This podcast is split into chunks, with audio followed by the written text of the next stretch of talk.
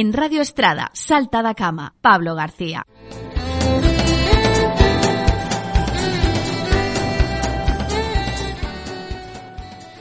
Mércores, día do comercio local en Radio Estrada, día de feira.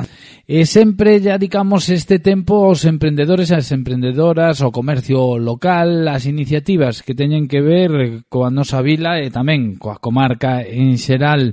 Neste caso, imos a falar con Beatriz, xa estuvo aquí con nós, xa nos estuvo presentando o seu proxecto que é Golfiños Educación e Lecer. Moi bo día. Buenos días, Pablo.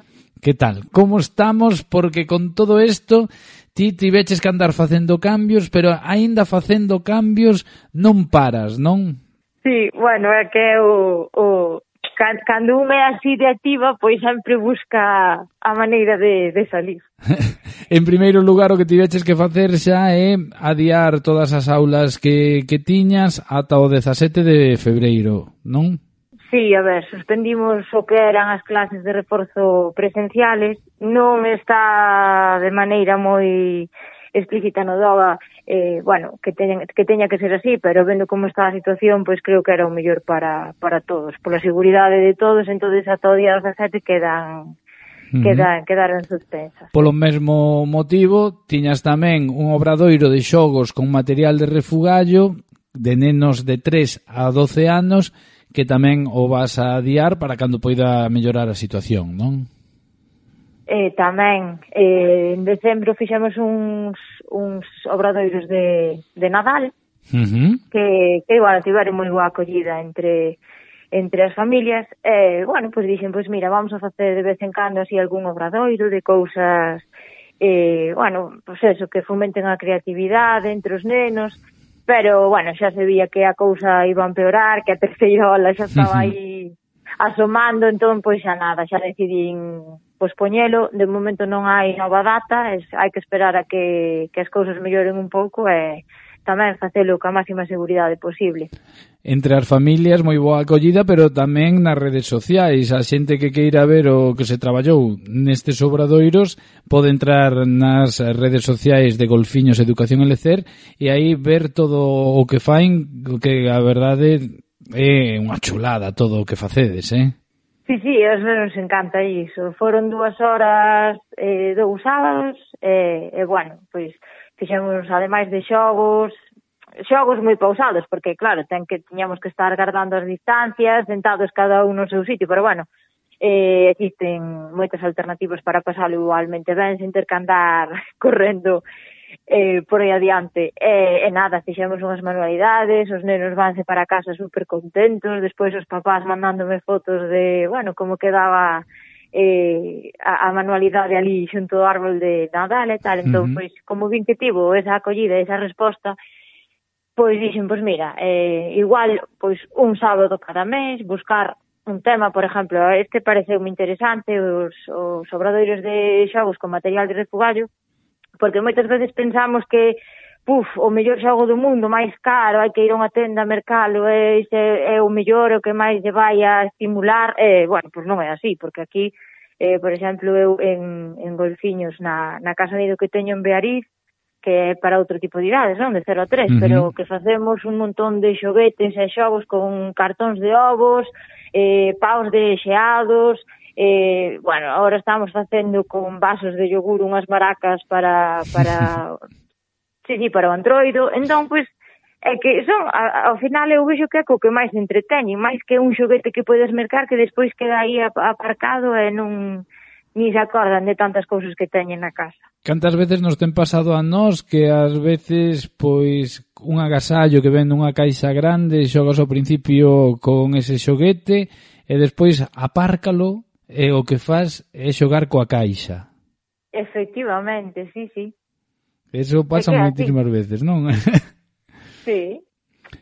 Entón, ti despois destes obradoiros, despois do de que os pais che dixeran o ben que estaban, que tamén eles se puxeron a, a discurrir un pouco, colles e montas un obradoiro novo, e neste caso xa non lo habías comentado, derasnos así unhas pinceladas eh, na outra entrevista, que é un obradoiro para familias, non?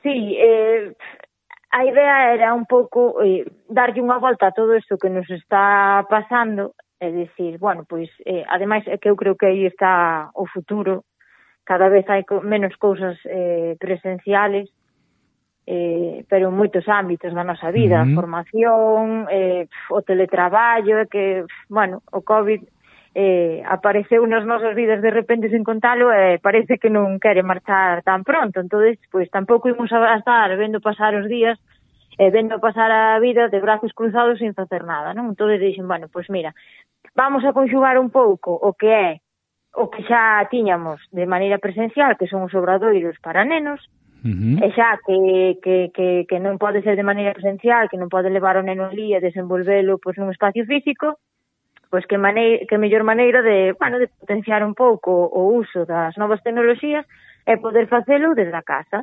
E bueno, pois xa que están na casa e, e que moitas veces necesitan pois para acceder a un ordenador ou a unha tablet que este, bueno, algún membro da familia, pois que mellor que facelo en familia. Entón, pois, pois bueno, pois ademais de ser unha alternativa de lecer para os pequenos, sigue sendo un pouco a esencia do que tiñamos de maneira presencial, añadimos o, o eso, o valor que ten, pois pasar tempo de calidade cos, cos pequenos en familia.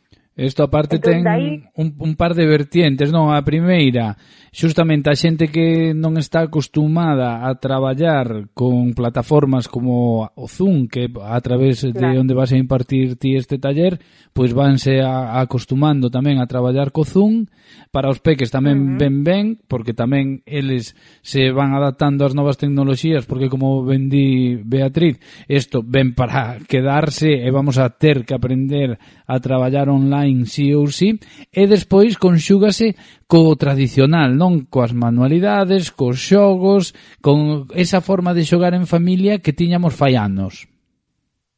Claro, a ver, aparte eu vexo que é algo necesario, porque que eu vexo bueno, o tratar así eh, de forma diaria con familias é que se din, jo, é que non sei que facer durante todo o fin de semana co neno, porque claro, porlle debuxos, eh, uh -huh. eh, algunhas argallan manualidades ou retos de cociña, teño visto tamén que fan algunhas mamás por internet, pero que lle falta como eso, como o empuxón, como unha ferramenta como decir, bueno, pois pues temos un día, unha hora, e eh, durante pois 40 minutos, 30 minutos o que dure, unha hora vamos a facer algo en familia, algo dirixido, unha actividade dirixida, e como que como que veía que eso, que faltaba que, que lle falta esa ferramenta. Home, é que pues... pa pasan a min que non sei que facer comigo durante todo o fin de semana, xa me aburren todas as series, xa a casa xa conozco en todas as esquinas, xa viven todas as chapuzas que tiña que facer. E agora que falo? Claro, é que Claro, que ademais de, de de todo isto que nos está pasando, que non podemos ni salir do Concello, ni podemos facer actividades de ocio, ademais disso temos un tempo que tampouco nos está permitindo salir claro. a correr, ni mm -hmm. nada, entón, que facemos tantas horas na casa? Pois, pois jolín, pois os tempos que, que se compartan en familia para mí son moi bonitos. E sobre todo, relaxarnos, non non estar Eso, eh. porque moitas veces estamos na mesma habitación dous ou tres membros da familia, estamos de uñas como o jato, non?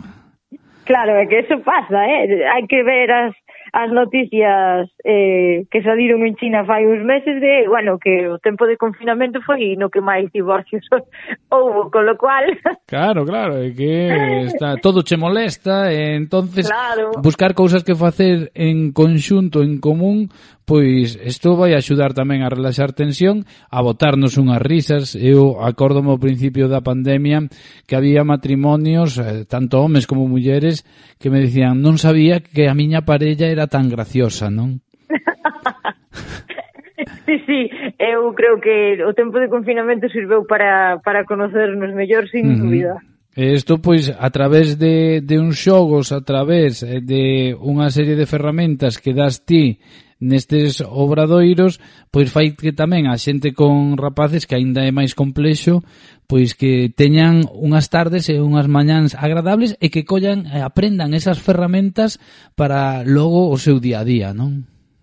Claro, deso se trata, de dar ferramentas, de dar ideas, de poder facer algo en conxunto, pois pode ser desde unha receta fácil, unha merenda ou unha manualidade que un, dun xogo que despois lle sirva para quedar xogando e divertir e divertirse un rato. A ver, os nenos e as nenas tamén están padecendo isto que, que estamos padecendo nós, que é unha realidade que xa está a, xa empeza a cansarnos psicológicamente un pouco, non? Uh -huh. Entonces, claro, a ver, ainda que os nenos e as nenas pois eh, se adaptan moi fácil a todo, pois é que é verdad que non teñen moitas alternativas porque Claro, chega o fin de semana e que facemos? É que non se pode facer casi nada. Entón, pois, eu creo que é unha boa opción para, non sei, pasar un momento divertido e xa te digo, si é... E que, ademais, facelo coa túa familia, con papá, con mamá, cos irmáns, pois, creas eso, esa unión que é o que dicías ti antes. Moitas veces puf, xa parece que todo nos molesta, que non nos aguantamos, un vai para unha habitación, outro para outra, uh -huh. Entón, pois nada, era eh, a idea é esa, eh, ofrecer unha ferramenta que, que nos sirva para para despexarnos un pouco de todo isto que está a pasar. Para despexarnos e para coñecer tamén as outras persoas que conviven connosco que moitas veces nin as coñecemos. Como teñen que facer as persoas que estén interesadas para anotarse nestes obradoiros? Pois mira, moi sinxelo. Eh, temos un número de, de teléfono eh, que é o 722-666-856. Uh -huh. Aí eh, vía WhatsApp ou ben por chamada poden eh, pedir máis información ou, bueno, anotarse. E despois tamén a, a través das redes sociais, temos tanto Facebook eh, como Instagram, poden poñerse en contacto por aí para explicarlle, preguntar, anotarse o que queiran. Repetimos o teléfono 722 666 856 722 666 856 Ese non máis fácil é o Facebook Que o Facebook agora así que o manexamos todos. Facebook sí, sí.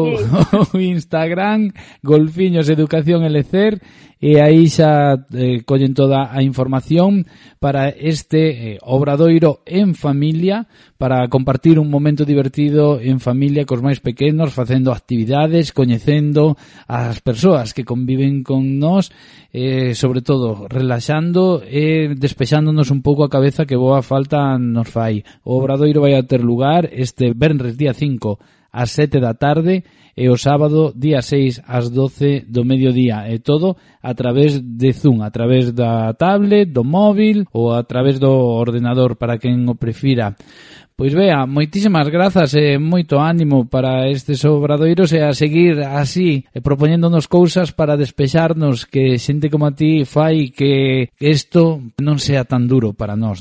Moitas gracias, Pablo, por darme a oportunidade outra vez de de dar a coñecer o que fago, que ao final, pois mira, é o que sei, o que mellor sei facer, o sea, que, que moitas gracias. Pois grazas a ti, Golfiños Educación Elecer, moi bo día, unha aperta. Gracias, Pablo, hasta logo.